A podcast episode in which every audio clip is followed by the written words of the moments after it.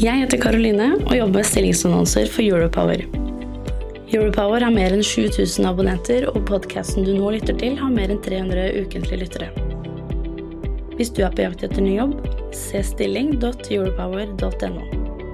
Ta også gjerne kontakt med meg dersom du ønsker å annonsere ledige IT-stillinger i fornybar energibransje. Du lytter til energibransjens temapodkast. Denne episoden er produsert av ABB og inneholder produktplassering. Eksisterende teknologi kan kutte store utslipp og kostnader i maritim industri. Eller sagt på en annen måte, velkommen til denne podkasten fra oss i ABB for grønt skifte for maritime operasjoner.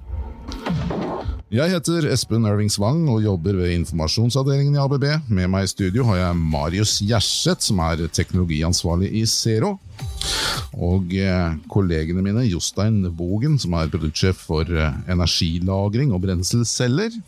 Velkommen. Og til slutt da, Jon Olav Lindsjøen, som er produktsjef for Onboard DC-grid, eller likestrømsbaserte kraftsystemer. Og hva det betyr, det skal vi komme tilbake til. Velkommen til deg også. Takk skal du ha. Begge disse er altså eksperter innen energieffektivisering i maritime operasjoner. Ja, Da skal vi altså til sjøs. Skipsfarten i Norge står for rundt 10% av klimagassutslippene. Det finnes tilgjengelig teknologi som kan redusere dette betraktelig, og langt raskere enn den internasjonale maritime organisasjonens IMOs mål om halvering innen 2050 sammenlignet med 2008. Som all teknologi vil verdi og relevans variere med skip og aktuell operasjon. Og Vi skal aller først snakke om dette som vi nevnte som var kanskje litt vanskelig ord. Uh, onboard DC-grid, eller likestrøms kraftnett. Vi starter altså med dieselelektrisk fremdrift, hvor dieselmotorer produserer strøm for fremdrift. Tradisjonelt har man valgt en vekselstrømsløsning for den elektriske siden. Det har sine fordeler, også for energiforbruket. Men for noen år siden så utviklet ingeniører ved ABB i Norge en likestrømsbasert variant som byr på enda bedre energieffektivitet, og dermed lavere utslipp og forbruk av drivstoff. Jon Olav Lindsjøen, kan du fortelle litt mer om hva dette egentlig dreier seg om? Altså, I bunn og grunn så handler det om å bygge et, eh, en systemplattform som lar deg realisere noen av disse nye eh, kraftsystemene som vi ser komme en fellesnevner da, for veldig mange av de nye energikildene, og for så vidt også lastene som vi ser framover, er eh, DC-spenning.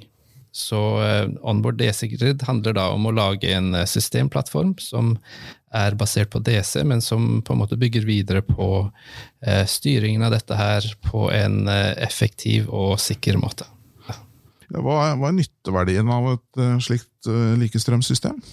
Ja, Som du var inne på i innledning, så har det, litt, eh, har det veldig mye å si med hvilken fartøystype du er inne på. Men eh, kanskje i første omgang så har du at du kan la dieselen operere på variabelt turtall. Eh, det vil si at du kan redusere forbruket ved lav last med opptil 40% i noen tilfeller. Um, I neste omgang så har du at um, integrasjon av batterier og uh, brenselceller osv. er vesentlig mer effektiv. Uh, batteriene kan i noen tilfeller være type 4% mer um, effektive i et DC-anlegg kontra et AC-anlegg. Så for oss som er mer sånn vanlige mennesker kanskje ikke skjønner alt dette her, så altså batteriet vil vare lenger da, hvis du har et DC-gridsystem enn hvis du kjører AC? Kanskje du tar det ut i andre enden, at eh, batteriet blir mindre. Eller at du betaler mindre for energien. Ehm, at det er der eh, en ferjeoperatør f.eks. henter det ut. Kan klare seg med et mindre batteri enn han ellers ville gjort. Ja. Mm. Eh, du snakker om 4% men vi har hørt om stikkord som 27% drivstoffkutt på forsyningsskip f.eks. For hvor store kan disse variablene være? Ja, okay, så Det er veldig viktig å holde tungen rett i munnen. så F.eks. på et eh, forsyningsskip, da, som vi, eh, vi, har noen av, så har vi eksempler på at besparelsen er i området 27 ved lav last. Så eh, om et forsyningsskip ligger og venter på et eller annet, så kan de ligge med, med et forbruk som er uh, opptil uh, ja, nesten 30% lavere enn det ellers ville vært. Mm. Ok, Da får jeg si takk til deg så langt, og så skal vi over på en annen, eh, en annen teknologi her, som kalles eh, elektriske trøstere. Og Jostein Bogen, det er du som er ekspert på dette området, og skal få lov til å svare litt for det. Uansett elektrisk versjon av hybridsystemet, så kan altså bruk av såkalte trøstere for fremdrift by på solid energieffektivisering. Hva er det? Ehm, det finnes mange typer trøster i dag. Eh, mange er såkalte mekaniske trøstere, som også drives av en elektromotor. Det som gjør ABBs Acipod spesiell, er at ehm, den trøsteren har en, eh, en, en en eh, motor integrert nede i trøsteren, så man slipper tap i, i gir osv. Mm. Hvorfor er slike systemer eh, mer energieffektive? Eh, hovedsakelig fordi vi bruker eh, permanent magnetmotor i, i, de fleste av de trøsterne. så at eh, Motoren i seg selv har en høyere virkningsgrad. I tillegg så slipper man tapene man har i et mekanisk gir, som gjør at du vil være mer effektiv enn en tradisjonell trøster. Hva kan vi oppnå med en storstilt uh, utrulling av slike trøstere? Eh, det gjør at man kan dimensjonere hele kraftanlegget uh, mer optimalt. Selv om når man får en mer effektivitet i trøsteren i seg selv, kan det også føre til at man også optimaliserer hele kraftanlegget med et mindre kraftanlegg, som også vil bruke mindre drivstoff. Mm. Jeg kan legge til at uh, i noen tilfeller så kan du også designe høllen eller de hydrodynamiske linjene uh, mer effektivt, slik at du kan, i tillegg til den bes eh, besparelsen du har i eh, at det ikke er tap i det mekaniske leddet, at du også kan ha en eh, mer effektiv eh, eh, skrogsform. opp i 10% tror jeg det, det ses på. Ja, vi har en gjest hos oss som sitter og lytter til dere. Han heter Marius Gjerseth og er eh, teknologihøvding i Zero og har veldig god greie på, på dette med eh, klima og det å prøve å få det til å bli litt renere. Og Vi hørte jo innledningsvis her at uh, utslipp fra skipsfarten står for store deler av klimautslippene. Hvor, hvor viktig er det å få redusert dette, og hvor, ja, hvor sannsynlig er det at vi får det til? Det er store utslipp som må reduseres, og det må reduseres mye fortere enn det IMO-målet er også, for å løse den store klimautfordringa. Eh, teknologiløsningene nå, som, kom, som, nå har kommet for fullt, med batteriløsninger og eh, kombinert med hydrogen, som vi skal komme inn på etterpå, eh, er kjempegode teknologimuligheter som da sammen med energieffektivisering, som, som jeg snakka om til nå, tror vi er fullgode løsninger for å klare å da skifte skipsfart fra å være en stor utslippskilde til å bli en god, veldig god klimaløsning. Så Det betyr at den eh, teknologien vi trenger for å få til dette grønne skiftet, den, den finnes allerede? Det handler mer om å, å, ta den i bruk? Ja, i stor grad så er det det. Det er jo der, de politiske rammevilkårene for å, eh, for å, stille krav til det, og for at det skal være de mest lønnsomme, som vi jobber mye med for å få til.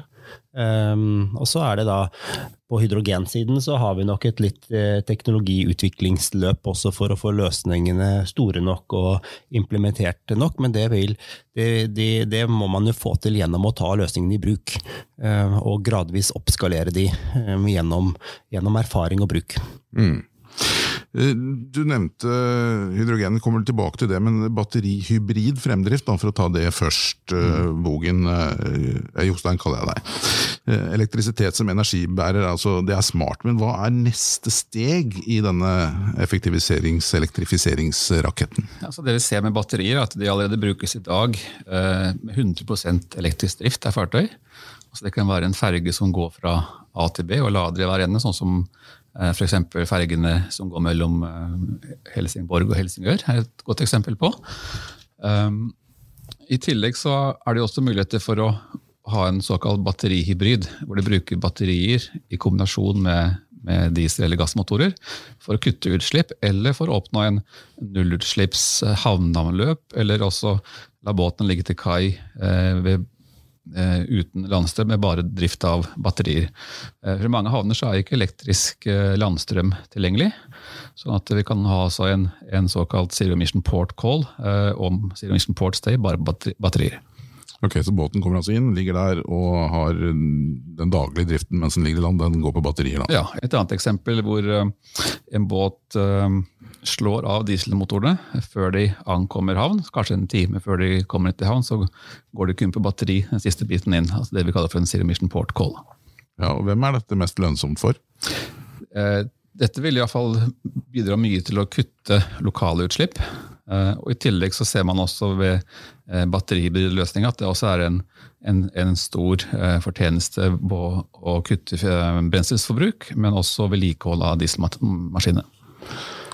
Jeg tenker på type cruiseskip som kommer inn i, i verdensarvfjordene våre og, og, og, og, støyer og bråker og bøtter ut møkk i havet, og det eneste som tjener på det, er rederne. Har vi noen reell mulighet for å få de over på, på strøm? Og da vil jeg spørre Zero igjen, for dere er opptatt av dette. Ja, det har vi, og det tror vi kommer til å se i, de, i årene framover nå. At det kommer til å bli en et batteriløsning om bord i alle skip. Så får vi se hvor store de batteriene blir, og de vil kanskje gradvis bli større, men at det, det er en utvikling som er i full gang, og som eh, kommer til å få fullt gjennomslag i hele maritim sektor. Og som Jostein sier, altså da inn i havna så kommer det til å bli nullutslipp-løsninger. Eh, det tror vi kommer til å bli, presse seg fram gjennom at det blir krav fra havnene. Eh, havnene og lokalpolitikerne, at vi godtar ikke lenger at det skal ligge eh, masse skip, sånn som i Bergen havn, og, og lage masse helse helseskadelig luft midt inne i sentrum. Eh, så det kommer til å bli krav til rederne, og at de må da um, ha en løsning som gjør at de kan uh, være på null utslipp i havna og inn og ut av, av til kai. Og også innerst i de fineste fjordene våre som da verdensarvfjordene. Der vedtok Stortinget i fjor, som vi var en viktig pådriver for, at eh, så snart det er teknisk mulig, og seinest innen 2026, så skal det være null utslipp inn på seiling. Alle skip som seiler i verdensarvfjorden, i Geirangerfjorden og um, Nærøyfjorden, uh, de skal være på nullutslipp. Og da har nå de store cruiserederiene syv år på seg på å um, få fram den teknologien i stor nok skala for, de, for cruiseskipene, eller så får de ikke lov å komme inn. Og En av de som skal levere dette her i stor nok skala, det er selvfølgelig ABB, Jostein. Er vi i stand til det? Hvor langt unna er den teknologien? Ehm, jeg vil si at Det som skal løses om bord av teknisk utstyr om bord med hensyn til brenselcellebatterier, er tilgjengelig i dag og er ehm, delvis også under utvikling, så til å være tilgjengelig i løpet av de neste par årene. Det som kanskje er den større utfordringen når det gjelder hydrogen, er hele eh, distribusjonsleddene av hydrogen. Og Også få opp storskala hydrogenproduksjon langs kysten. Kanskje der vi ser den største utfordringen per dag. Men vi ser også at det er veldig mange spennende ting som skjer med hensyn til investeringer i, i, hydrogenproduksjon, og også selskaper som både Equinor og Shell som ser på å bli en, en stor hydrogenleverandør i fremtiden. Mm. For hydrogen det er bra for store skip og lange avstander. Da må det sterkere lut til enn bare batterier for å oppnå nullutslipp. Ja, større avstander så blir det selvfølgelig vanskelig å få hurtig nok og hyppig nok lading av batterier, og da er absolutt eh, brenselceller og hydrogen et godt alternativ. Hvordan virker det, Jostein? Hvordan fungerer en sånn brenselcelle? Eh, enkelt sagt så er det en, en elektrokjemisk reaksjon hvor man til, tilfører eh, hydrogen og oksygen. Så får man en reaksjon hvor du får elektrisitet, og du får også eh, kun rent vann, rundt. Så utslippene fra det er bare vanndamp, det er altså ikke, noe, ikke noe skadelige stoffer? Mm, stemmer. Kun vanndamp. Mm. Ja, uh, Fins det eksempler på at denne teknologien er tatt i bruk? Ja, teknologien er tatt i bruk i transportsektoren i mange andre uh, applikasjoner allerede. Altså, det finnes jo på busser og lastebiler, til og med tog har kommet nå.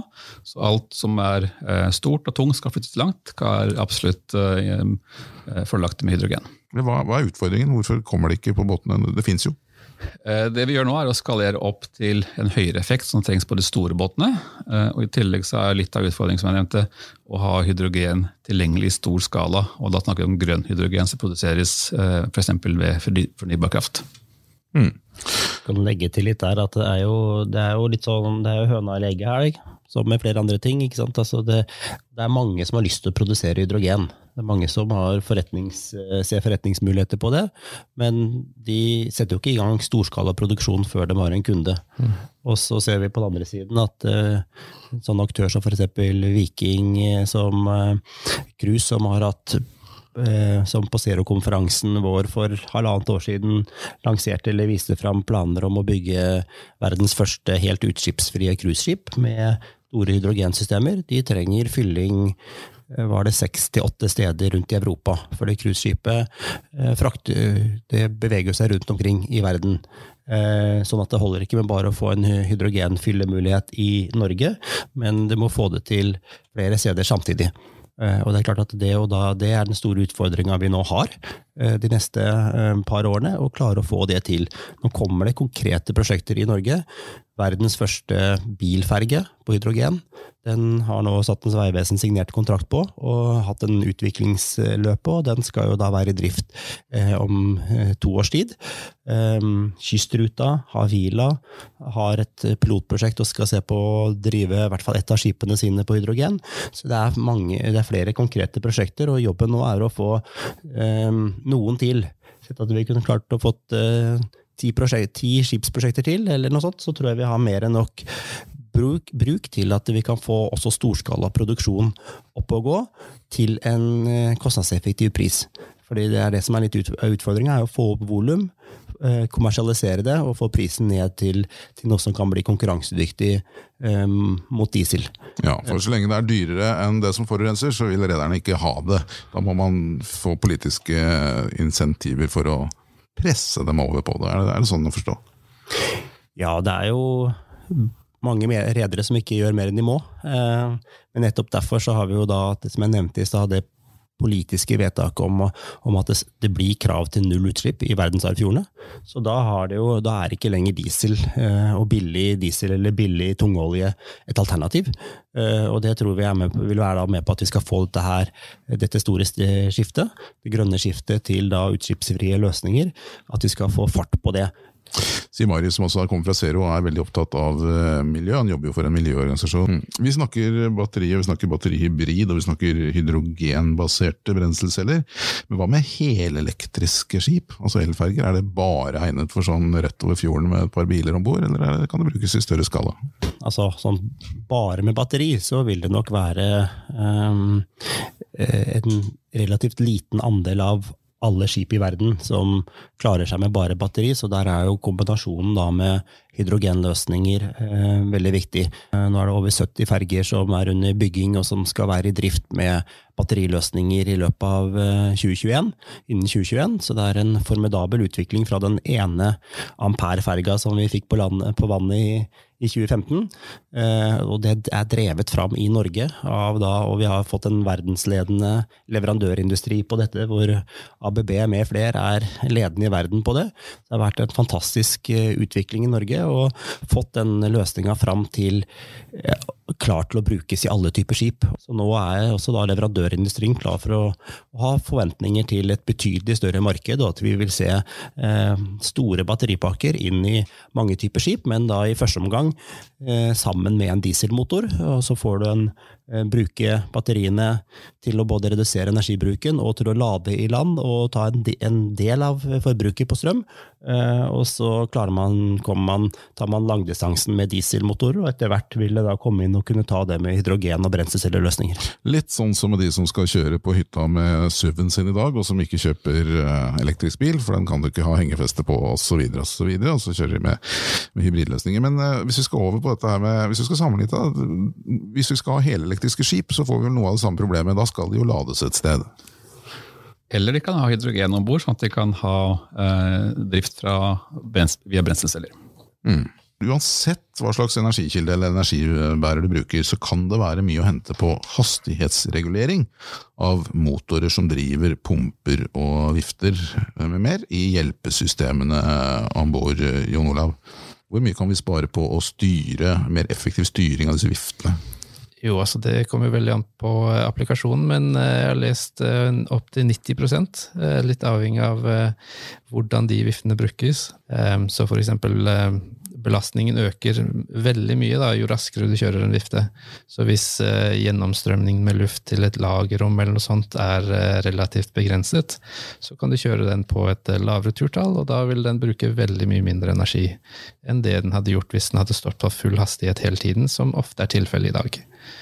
Så eh, opptil 90 eh, er, er mulig å spare, men igjen så må det ses opp imot hvordan viften brukes i dag. Det er blitt påstått at hvis vi greide å hastighetsregulere alle disse elektromotorene som finnes rundt omkring i verden, så hadde vi ikke hatt noe energiproblem?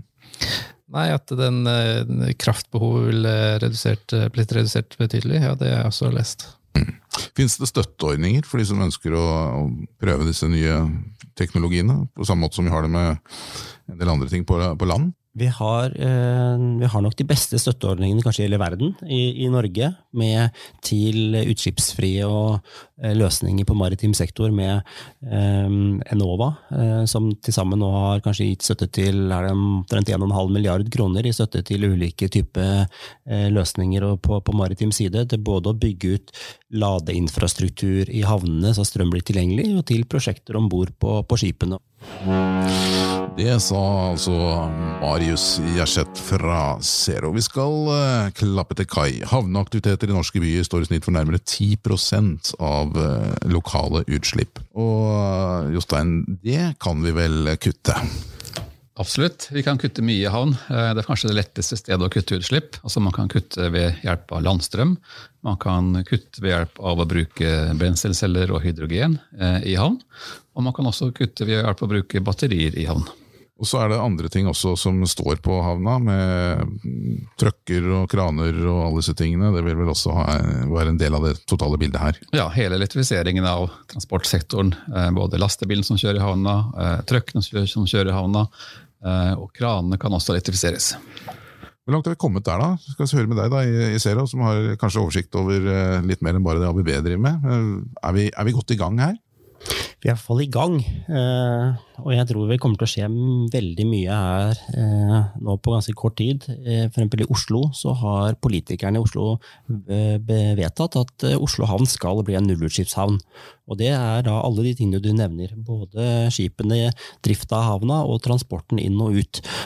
Så det er veldig tydelige lokalpolitiske føringer på det, og nå jobber da Oslo havn og aktørene der veldig mye for å ta, ta da, gå gjennom utslippskilde for utslippskilde, og hvordan de kan elektrifiseres og, og fjernes utslipp. Så, og Der ser vi andre store havner som Bergen havn eh, med flere, som gjør mye. Så her tror vi det kommer til å skje veldig mye framover. I Oslo havn har vi bl.a. Eh, disse danmarksbåtene alle de tre skipene som kjører mellom Norge og Danmark, de eh, er nå, eller i hvert fall to av dem er lagt om på landstrøm, og det tredje skal, skal gjøre det om ikke så lenge. Eh, og det er et resultat av at politikerne i Oslo har sagt at det her skal vi få til.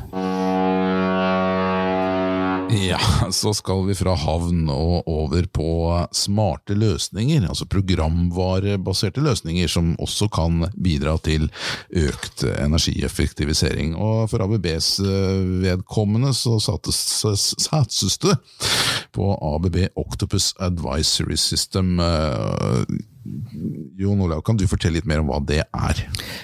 Så Advisory går jo ut på at du har eh, software og sensorer om bord som eh, kan eh, liksom forstå seg litt på situasjonen og værforhold og strømninger i hav osv. Og, og analysere situasjonen og gi deg gode råd til hvordan du kan gjøre ting smartere, sikrere, til en lavere energikost. Så vi har litt forskjellige eksempler på det. Vi har sånn Voyage eh, Advisory-systemer som um, henter inn værvarsler, um, ser på hva, hvilken um, havstrømmer som finnes uh, gjennom en rute osv., og, så og kan uh, gi, uh, regne på hva energibruken vil være på forskjellige alternativer, og så gi råd om hvilke som vil være den beste. Eh, de kan også gi råd om eh, hvilken hastighet du da bør ligge på, slik at du kommer til kai ved riktig tidspunkt, istedenfor å komme til kai kanskje en uke i forkant, og så ha brukt masse energi på å, å pløye sjø for å komme dit raskt. Hva kan du spare på, på å velge en smart rute, f.eks.? Klart at Det som er viktigst for eierne her, er jo også å spare fuel. Altså De kan spare både Eh, brennstoff, og de kan spare vedlikehold. Og det vi har sett er at Nedbetalingstiden på å investere i et såkalt advisor-system er helt nede i én til to måneder. For Det er såpass enorme beløp du kan spare på brenselforbruk. Helt til slutt, Vi har vært innom ganske mange forskjellige temaer nå som alle sammen har hatt eh, en fellesnevner, nemlig eh, energieffektivisering. Og Er det andre ting vi ikke har vært innom nå, som, som vi kanskje kan se for oss som en slags fremtidens løsning på disse utfordringene? Jeg vet ikke, Vi har vært dekket mye, men det som jeg synes vi kan kanskje legge til, som er veldig spennende å se, at vi står overfor, eller egentlig midt oppi en ganske stor omveltning i hele energiforsyningen til, i Norge. Altså Man ser at det er en massiv investering i vindkraft og offshore vindkraft, som bare for noen få år siden ikke var konkurransedyktig med f.eks. gass eller kull. Og Det også er med på å forme hele, eh, hele bransjen også innenfor maritim sektor. Ved f.eks. at man kan produsere hydrogen mye billigere enn det man kunne før. Mm. Takk, Jostein. Eh, du skal slippe til med en siste bemerkning du også, Marius.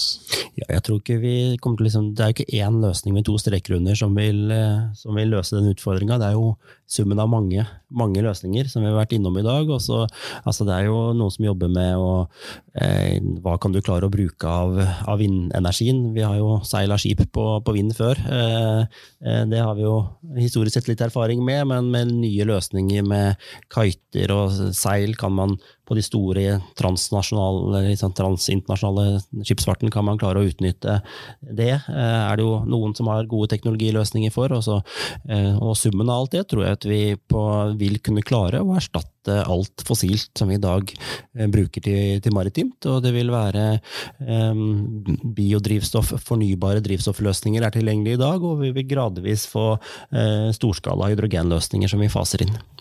Det er litt interessant også at mange av disse energieffektiviseringstrendene går også mot at du får mer eh, digital infrastruktur om bord på båtene og eh, mindre vedlikehold på en del av energikildene. Slik at det går litt hånd i hånd med en annen stor trend, som er digitalisering. Og eh, som også skal jeg si, har litt med det jeg var inne på litt tidligere med advisory, at i tillegg til at du kanskje har andre energikilder, så kan du også antageligvis forvente å bruke mindre energi på å gjøre samme jobben, fordi at uh, ting blir mer intelligent og styrt mer optimalisert. Og med det så var det eh, siste ordet til Jon Olav Lindtjørn i denne omgang. Jeg sier takk til dere som eh, lytter til denne podkasten. Jeg sier takk til dere som kunne komme i studio. Marius Gjerseth, teknologiansvarlig i Zero, og mine kolleger Jostein Bogen, for, som er produktsjef for energi- og brenselceller, og som vi hørte til slutt, Jon Olav Lindtjørn, produktsjef for Onboard DC Grid, likestrømsbaserte kraftsystemer. Du har hørt en podkast fra informasjonsavdelingen i ABB. Ansvarlig redaktør Helene Gunterberg, regi og research Even Fladberg, og i studio Espen Irving Svang. ABB er en global teknologileder innen elektrifisering, automatisering, robotisering og drivsystemer, med over 2000 medarbeidere som arbeider for å øke bærekraften i samfunnet. Du lytter til energibransjens temapodkast. Denne episoden er produsert av ABB og inneholder produktplassering. Jeg heter Karoline og jobber med stillingsannonser for Europower. Europower har mer enn 7000 abonnenter, og podkasten du nå lytter til, har mer enn 300 ukentlige lyttere. Hvis du er på jakt etter ny jobb, se stilling.europower.no. Ta også gjerne kontakt med meg dersom du ønsker å annonsere ledige IT-stillinger i fornybar energibransje.